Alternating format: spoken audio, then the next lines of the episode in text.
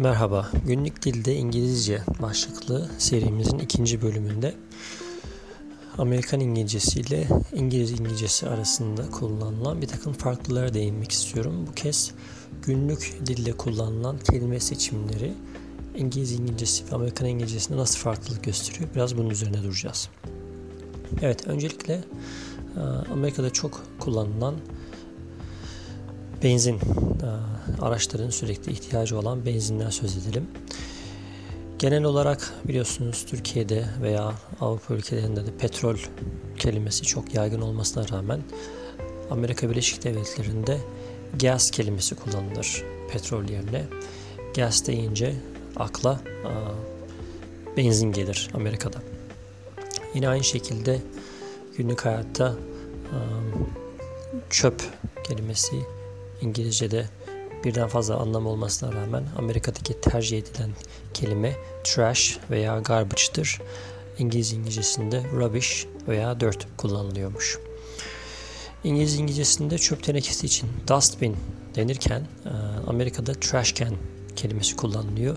Bu yine benim İngilizce öğrendiğim zamanlarda aklımda kalan bir kelimeydi dustbin ama Amerika'da gerçekten bunun bir karşılığı yok.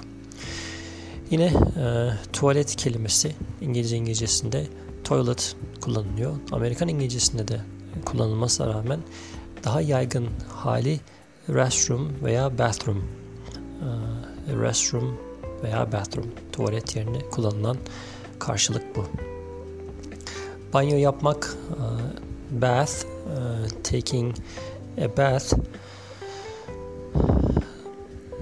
İngilizce'de banyo yapmak anlamında geliyor. Bununla beraber taking a shower daha çok kullanılıyor. Sebebi de Amerika'da insanların günlük olarak hızlı bir şekilde duşa girip çıkmaları ve bunun çok yaygın olması. Bu yüzden biraz daha shower kelimesi bath kelimesinin yerini almış.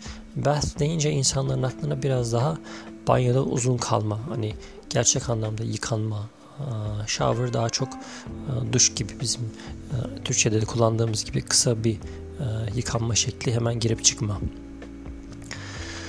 Bununla beraber Amerikan İngilizcesinde İngiliz İngilizcesine kıyasla farklılıklar şöyle de genellenebilir. Daha çok Amerikan İngilizcesinde kısaltmalar veya kelimelerin kısa halleri tercih ediliyor. Mesela bicycle kelimesi veya motor bicycle kelimesi yerine e, bike kullanılıyor. E, Amerikan İngilizcesinde bike dendiğinde bisiklet de anlama geliyor ama bazı yerlerde mesela e, motosiklet yerine de bike kullanıldığını görüyorsunuz.